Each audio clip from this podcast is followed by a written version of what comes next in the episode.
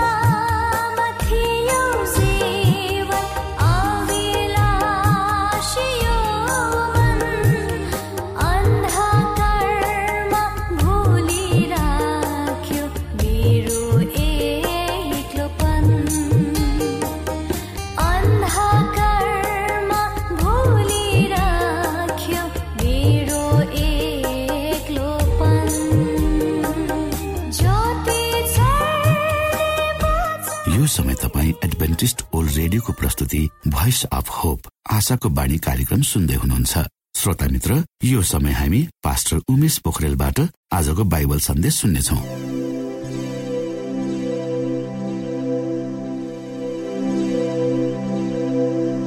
श्रोता साथी न्यानो अभिवादन साथ म तपाईँको आफ्नै आफन्त अर्थात् पास्टर उमेश कुमार पोखरेल। परमेश्वरको वचन लिएर यो रेडियो कार्यक्रम मार्फत पुनः तपाईँहरूको बिचमा उपस्थित भएको छु।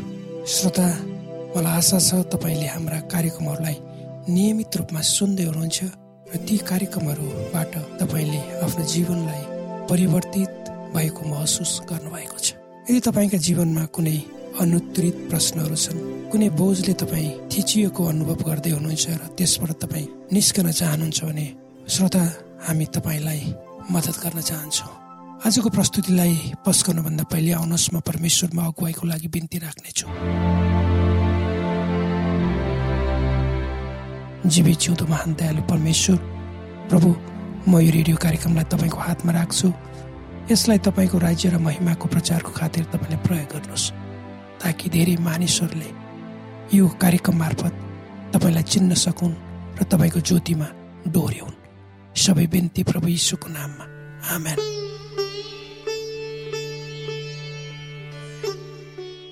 श्रोता आजको मेरो प्रस्तुतिको शीर्षक छ मेरो जीवन। कुनै एक बिहान जब तपाईँ उठ्नुहुन्छ तपाईँको मन एकदम हलुका भएको तपाईँले अनुभव गर्नुहुन्छ। तपाईँलाई लाग्छ संसारै स्वर्ग हो जस्तो। तपाईँ उठ्नुहुन्छ अनि झ्याल नेरी उभिएर गहिरो सास फेर्नुहुन्छ र बाहिर निहाल्नुहुन्छ चराचुरुङ्गहरूको आवाज तपाईँले सुन्नुहुन्छ। रुख बिरुवामा परेको सुनौलो घामको प्रतिबिम्ब तपाईँले देख्नुहुन्छ। अनि तपाईँ फेरि निहाल्नुहुन्छ टाढा टाढासम्म निहाल्नुहुन्छ। डाँडाहरूमा सूर्यको किरणको प्रतिबिम्ब तपाईँले देख्नुहुन्छ। अनि हिमालहरूमा हिउँले ढाकेका ती पर्वतहरूमा सूर्यको प्रतिबिम्बले चाँदी झै चम्केका ती चुचुराहरू तपाईँले देख्नुहुन्छ। तपाईँलाई लाग्छ जीवन अनमोल छ कति महत्वपूर्ण छ कति आनन्ददायक छ। तपाईँले अनुभव गर्न सक्नुहुन्छ जब तपाईँले कोही आफन्तलाई विदाई गर्दै हुनुहुन्छ। तपाईँले देख्नुहुन्छ सानो बालकहरूको अनुहारको मुस्कान स्नेह।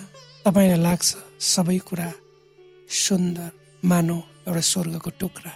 तर श्रोता प्रत्येक बिहान समय उस्तै हुँदैन।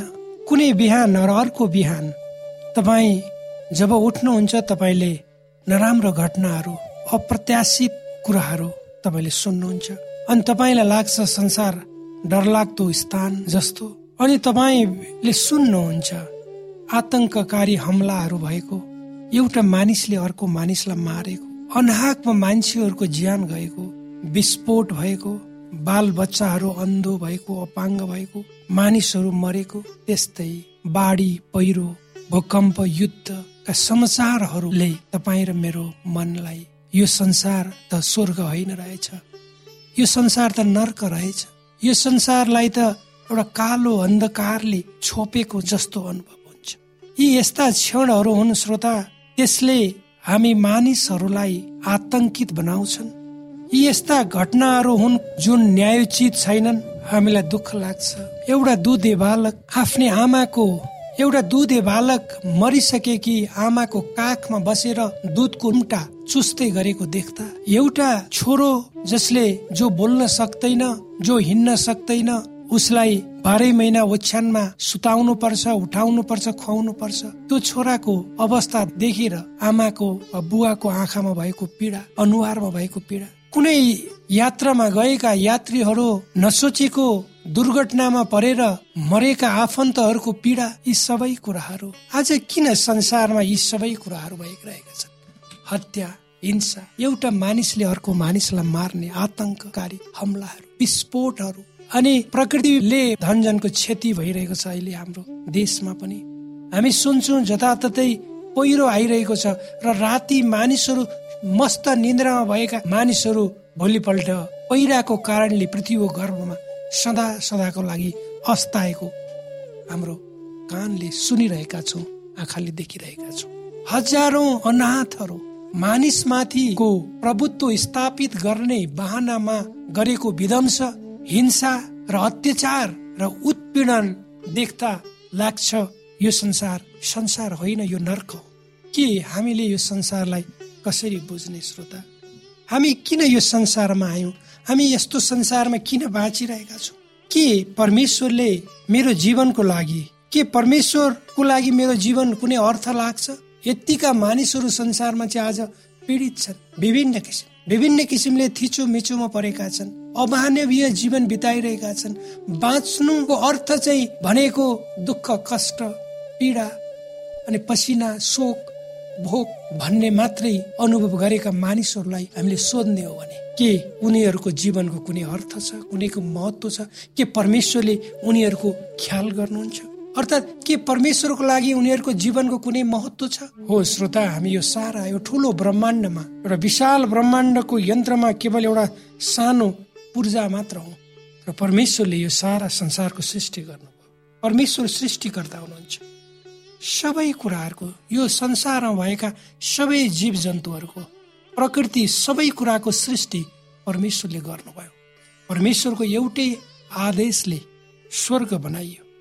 आफ्नो मुखको सासले उहाँले सबै कुराहरू भन्नुभयो र त्यो अस्तित्वमा आयो। परमेश्वरले बोल्नुभयो त्यो भइहाल्यो। श्रोत साथी परमेश्वरले आफूले यो संसार बनाउनु भयो यो मानिस तपाईँ हामीलाई बनाउनु भयो के यही दुःख कष्टको लागि यही पीडा र उत्पीडनको लागि झै झगडाको लागि युद्धको लागि अपराधको लागि के परमेश्वरले मानिसलाई बनाउनु भएको? होइन श्रोता परमेश्वरले मानिसलाई अति नै प्रेम गर्नुहुन्छ र मानिसलाई परमेश्वरले आफ्नै स्वरूपमा प्रतिरूपमा बनाउनु भयो ताकि मानिसले परमेश्वरको इच्छालाई परमेश्वरको आज्ञालाई पालना गरेर स्वत रूपमा स्वीकार गरेर परमेश्वरले गर्नुभएको सृष्टिलाई संरक्षण गर्ने सम्वर्धन गर्ने त्यसलाई फलाउने फुलाउने जिम्मेवारी परमेश्वरले मानिसलाई दिनुभयो। तर मानिसले परमेश्वरको आज्ञालाई उल्लङ्घन गर्यो। परमेश्वरको इच्छालाई होइन मानिसले शैतानको आज्ञालाई। परमेश्वरको बसमा नभएर शैतानको बसमा मानिस पर्यो। र कहिले पनि शैतानले चाहँदैन कि परमेश्वरका जनहरू वा मानिसहरू सुखमा शान्तिमा आनन्दमा र समृद्धिमा बढ्यो भनेर। शैतानले चाहन्छ परमेश्वरको योजना यो संसारमा पुरा नहोस्। परमेश्वरले सृष्टि गर्नुभएका मानिसहरूले परमेश्वरको प्रेम र परमेश्वरसँगको सहयात्राको प्रतिफललाई चाख्न नपाउन्। किन परमेश्वर सत्य हुनुहुन्छ? एउटै सत्य हुनुहुन्छ भने परमेश्वर हुनुहुन्छ र परमेश्वर जसले परमेश्वरलाई शत प्रतिशत मान्छ त्यो मान्छेले जीवनमा कहिले पनि पछुताउनु पर्दैन। त्यो मान्छेको जीवन सफल रहन्छ। श्रोता जीवन भनेको एकचोटि हो यो फेरि दोहोरेर आउँदैन। मानिसको जीवन एकचोटि हो र यो छोटो छ। र जब मानिस जन्मन्छ र मृत्युको बिचमा को यात्रामा तपाईँ र मैले मानिसको रूपमा धेरै कामहरू गर्नुपर्छ। त्यो गर्ने क्रममा परमेश्वरले तपाईँ र मलाई एउटा निर्दिष्ट बाटो देखाउनु भएको छ। उहाँको वचन मार्फत परमेश्वरले तपाईँ र मलाई कुन बाटो हिँड्नुपर्छ के गर्नुपर्छ के खानुपर्छ कस्तो व्यवहार गर्नुपर्छ भन्ने कुरो स्पष्ट रूपमा देखाउनु भएको छ। त्यसको साथसाथै सैतानले पनि तपाईँ र मलाई आफ्नो पक्षमा ल्याउनको लागि परमेश्वरको योजनालाई विफल गराउनको लागि हामी माथि विभिन्न जाल जेलहरू विभिन्न किसिमको षड्यन्त्रहरू विभिन्न किसिमको प्रलोभनहरू दिन्छ र संसारतिर तपाईँ हामीलाई तान्छ। यो आजको यो संसार किन यो अधोगतितिर आजको संसार किन नाशतिर आजको संसार किन हत्या र हिंसातिर आजको संसार किन अत्याचारतिर बढिरहेको छ? एउटा मानिसले अर्को मानिसमाथि राज्य गर्ने बहानाले आज संसार संसार होइन स्वर्ग होइन नर्क भएको छ। यो सबै कुरा चाहिँ मानिसहरू परमेश्वरबाट टाढा भएको कारणले हो भनेर हामीले बुझ्नुपर्छ।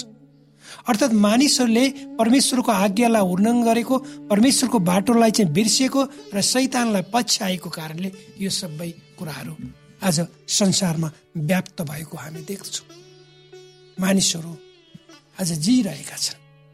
लाग्दछ मानिसहरूलाई तपाईँ देख्नुहुन्छ एउटा सुकिलो मुकिलो लुगामा एउटा सफल मानिस जस्तो तपाईँ एउटा मानिसलाई हिँडेको देख्नुहुन्छ तर तपाईँलाई थाहा छैन त्यो मानिस भित्री रूपमा कसरी जिएको छ र भित्री रूपमा त्यो मानिसलाई सैतानले कसरी भित्रैभित्र सखाप बनाइसकेको छ भन्ने कुरो तपाईँ र मलाई थाहा छैन।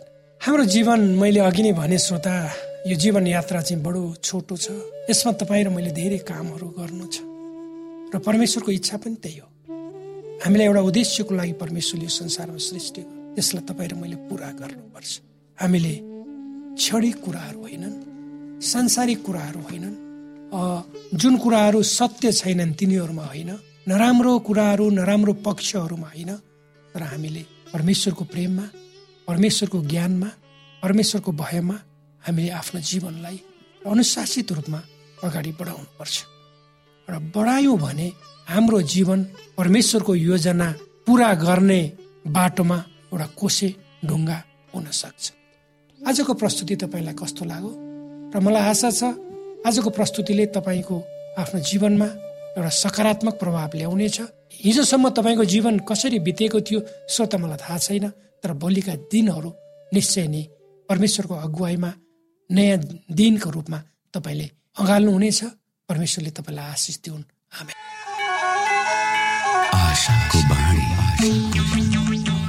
श्रोता भर्खरै यहाँले पास्टर उमेश पोखरेलबाट बाइबल वचन सुन्नुभयो। यो समय तपाईँ एडभेन्टिस्ट ओल्ड रेडियोको प्रस्तुति भोइस अफ होप आशाको बाणी कार्यक्रम सुन्दै हुनुहुन्छ। कार्यक्रम सुनेर बस्नुहुने सबै श्रोतालाई हामी हाम्रो कार्यक्रममा स्वागत गर्न चाहन्छौ। श्रोता मित्र यदि तपाईँ जीवनदेखि हरेस खानु भएको छ तपाईँका जीवनमा धेरै अनुत्तरित प्रश्नहरू छन् भने आउनुहोस् हामी तपाईँलाई परमेश्वरको ज्योतिमा डोहोर्याउन चाहन्छौँ। तपाईँ आफ्नो जीवनका चिन्ता फिक्रीबाट निश्चिन्त हुनुहोस् र बाँच्नुको आनन्द परमेश्वरको सामिप्यमा कति मिठो हुन्छ त्यो चाख्नुहोस् भनी हामी चाहन्छौँ। श्रोता यदि तपाईँ आशाको बाणी कार्यक्रमलाई अनलाइन सुन्न चाहनुहुन्छ वा डाउनलोड गर्न चाहनुहुन्छ भने ओआरजीमा जानुहोस्। त्यहाँ तपाईँले प्रत्येक दिनको कार्यक्रम सुन्न र डाउनलोड गर्न सक्नुहुनेछ। हाम्रो वेब पेज यस प्रकार छ W dot AWR dot ORG श्रोता यदि तपाईँ हामीसित सिधै फोनमा सम्पर्क गर्न चाहनुहुन्छ भने हाम्रा नम्बरहरू यस प्रकार छन्। अन्ठानब्बे एकसाठी पचपन्न शून्य एक सय बिस अन्ठानब्बे एकसाठी पचपन्न शून्य एक सय बिस र अर्को अन्ठानब्बे अठार त्रिपन्न पन्चानब्बे पचपन्न. अन्ठानब्बे अठार त्रिपन्न पन्चानब्बे पचपन्न। यो आशाको बाणी रेडियो कार्यक्रम हो। म प्रस्तुता धनलाल राई स्वास्थ्य सम्बन्धी सन्देश लिएर उपस्थित छु। स्वीकार्नुहोस्। आजको स्वास्थ्य सम्बन्धी सन्देशको शीर्षक रहेको छ ज्वरो र यसको घरेलु उपचार।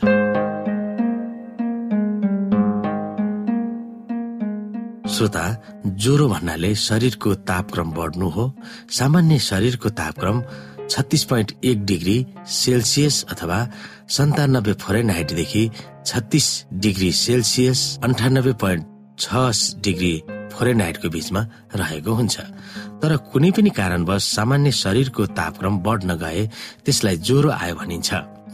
जब हाम्रो शरीरमा कुनै ब्याक्टेरिया वा भाइरसले आक्रमण गर्दछ तब तपाईँको शरीरभित्र भएको इम्युनिटीले ती ब्याक्टेरिया वा भाइरसहरूलाई मार्न युद्ध गरिरहेको हुन्छ।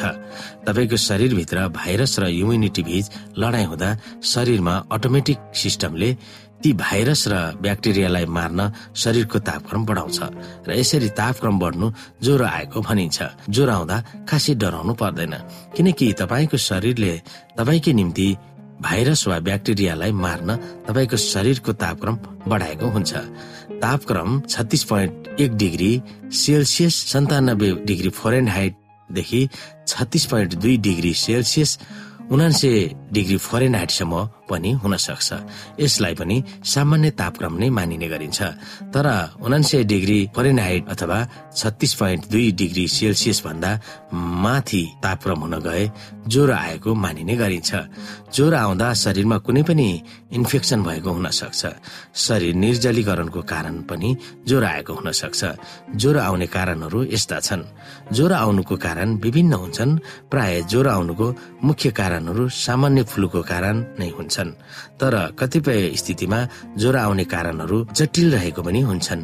सामान्य फ्लूको कारण ज्वरो पनि आउने हुन्छ भने कतिपय गम्भीर रोगको कारण पनि ज्वरो आएको हुन सक्छ। ज्वरो आउनुको मतलब शरीरमा कुनै पनि इन्फेक्सन भएर शरीरको तापक्रम बढ्नु हो। इन्फेक्सन हुने कारणहरू विभिन्न हुन्छन्। शरीरको कुनै पनि बाहिरी अङ्ग वा भित्री अङ्गमा इन्फेक्सन भएको छ भने ज्वरो आउनुको कारण हुन सक्छ। ज्वरो आउने कारणहरू अनेक हुन्छन् तर प्राय हर कोहीलाई ज्वरो आइरहने कारणहरू यस्ता हुन्छन्। जस्तै इन्फेक्सन हुँदा भाइरल फ्लू हुँदा भाइरल रोग हुँदा डेङ्गु रोगको लक्षण हुँदा डेङ्गु मच्छरले टोक्दा मलेरिया हुँदा निमोनिया हुँदा टाइफाइड हुँदा ब्लड फ्लू हुँदा निर्जलीकरण हुँदा हेपाटाइटिस हुँदा कुनै पनि अङ्गमा दुखाइ बढ्दा मृगोला रोग हुँदा रुगा खोकी लाग्दा फङ्गल इन्फेक्सन हुँदा इबोला भाइरस हुँदा कुनै अङ्गको शल्यक्रिया गर्दा कोरोना संक्रमण हुँदा दीर्घ रोग हुँदा टाउको दुख्दा मृगोला संक्रमण हुँदा मूत्रपथ संक्रमण हुँदा मूत्रथैली संक्रमण हुँदा औषधि वा एन्टिबायोटिक सेवन गर्दा आन्द्रामा घाउ हुँदा अलस हुँदा आदि। ज्वरो आउनुका कारणहरू अनेक हुन्छन्। ज्वरो आएमा किन ज्वरो आयो भन्ने पत्ता लगाएर ज्वरोको उपचार गर्नुपर्छ। सामान्य कारणले ज्वरो आए ज्वरोको घरेलु उपचार विधि मार्फत पनि ज्वरोको उपचार गर्न सकिन्छ। ज्वरोको घरेलु उपचारहरू यस्ता छन्। ज्वरोको मेडिकल उपचार र घरेलु उपचार अलिक फरक छन्। ज्वरोको मेडिकल उपचार गर्दा शरीरमा के भएर ज्वरो आएको छ भन्ने पत्ता लगाएर उक्त समस्याको उपचार गरी ज्वरोको उपचार गरिन्छ भने घरमा गर्ने ज्वरोको उपचार शरीरको इम्युन पावर बढाउने किसिमका जडीबुटी वा इम्युन सिस्टम बढाउने खानाहरू खाएर ज्वरोको घरेलु उपचार गरिन्छ। शरीरको इम्युन सिस्टम बढाएपछि इम्युन सिस्टमले शरीरमा आएको फ्लू भाइरस वा ब्याक्टेरियालाई मार्न थप इनर्जी वा शक्ति मिल्दछ र ज्वरो चाँडो ठिक हुँदछ जसलाई ज्वरोको घरेलु उपचार भन्न सकिन्छ। जस्तै तातो पानी पिउने मेथी भुटेर खाने बेसार पानी पिउने तुलसीको पात खाने हर्रा बर्रा पोलेर हल्का तातो पानीमा तातो बनाइ खाने चिराइतोको रस पिउने तातो पानी पिउने तातो पानीमा मरिच पानी खाने अलैँची ल्वाङ पाखनबेद खाने पुदिनाको रस पिउने जुवानको सुप पिउने लसुन पोलेर वा पानीमा उमालेर खाने अदुवा लसुन बेसा तुलसीको पात उमालेर पिउने ल्वाङ चिराइतो पिसेर मिसाई दिनको दुई पटक तातो पानी मिसाएर पिउने चिराइतो नभए ल्वाङ मात्रै भए पनि प्रयोग गर्ने जुवान उमालेर खाने मिथीको सागमा लसुन अदुवा मिसाई उमालेर फोले जस्तो बनाई खाने निमको पातलाई पिसेर उमालेर सेवन गर्ने बेसार अलैँची मिसाएर पिउने अदुवा लसुन पकाएर मनतातो हुने गरी सेलाएर मह मिसाई पिउने तातो पानी प्रशस्त पिउने तातो बाग्लो दाल चना प्रशस्त खाने अदुवाको रस र मह मिसाएर खाने पानी पिउँदा उमालेर मनतातो बनाएर मात्रै पिउने गाजर उमालेर खाने तोरीको तेलले सेक्ने मालिस गर्ने तातो कपडाले शरीर छाती ढाक्ने अमलाको चूर्ण तातो पानीमा सेवन गर्ने भिक्सा सुँग्ने प्याज पिस्ने र लेप बनाई निधारमा राख्ने तातो पानीमा थोरै भिक्स मिसाएर उमाली त्यसको बाफ लिने चिया पिउँदा अदुवा मरिच अलैँची र ल्वाङ पिसेर तुलसीको पातको रस मिसाएर पिउने गुलियो कुराहरू नखाने खाएमा सक्खर खाने चिनी नखाने अथवा नजिकैको मेडिकल अस्पतालमा सल्लाह गरी सिटामल सेवन गर्न सकिन्छ। श्रोता थर्मोमिटर साथमा राख्ने र दुई तिन घण्टाको फरकमा ज्वरो नापिरहने ज्वरो घटेन भने तर बढ्दै गयो भने तुरन्तै मेडिकल जाने र चेक जाँच गराई आवश्यक उपचार गर्ने नत्र निमोनिया वा टाइफाइड हुन सक्ने सम्भावना हुन्छ। माथि बताइएको ज्वरोको घरेलु उपचार विधिमा कतिपयले शरीरको इम्युन पावरलाई मात्र पनि बढाउँछ। ज्वरोको घरेलु उपचार विधिले शरीरको इम्युनिटीलाई ब्याक्टेरिया वा भाइरससँग लड्न थप शक्ति प्रदान गर्दछ। तपाईँ हामीले इम्युनिटी बढाउने किसिमका खानाहरू मात्र सेवन गरिदिने हो भने पनि बाँकी काम तपाईँको इम्युनिटीले नै आफै अटोमेटिक तरिका अनुसार काम गर्ने गर्छ र तपाईँको ज्वरो ठिक हुने गर्छ। ज्वरो मापनको लागि सबैले सम्भव भएसम्म एक एकवटा थर्मोमिटर घरमा किनेर राख्नु जरुरी हुन्छ।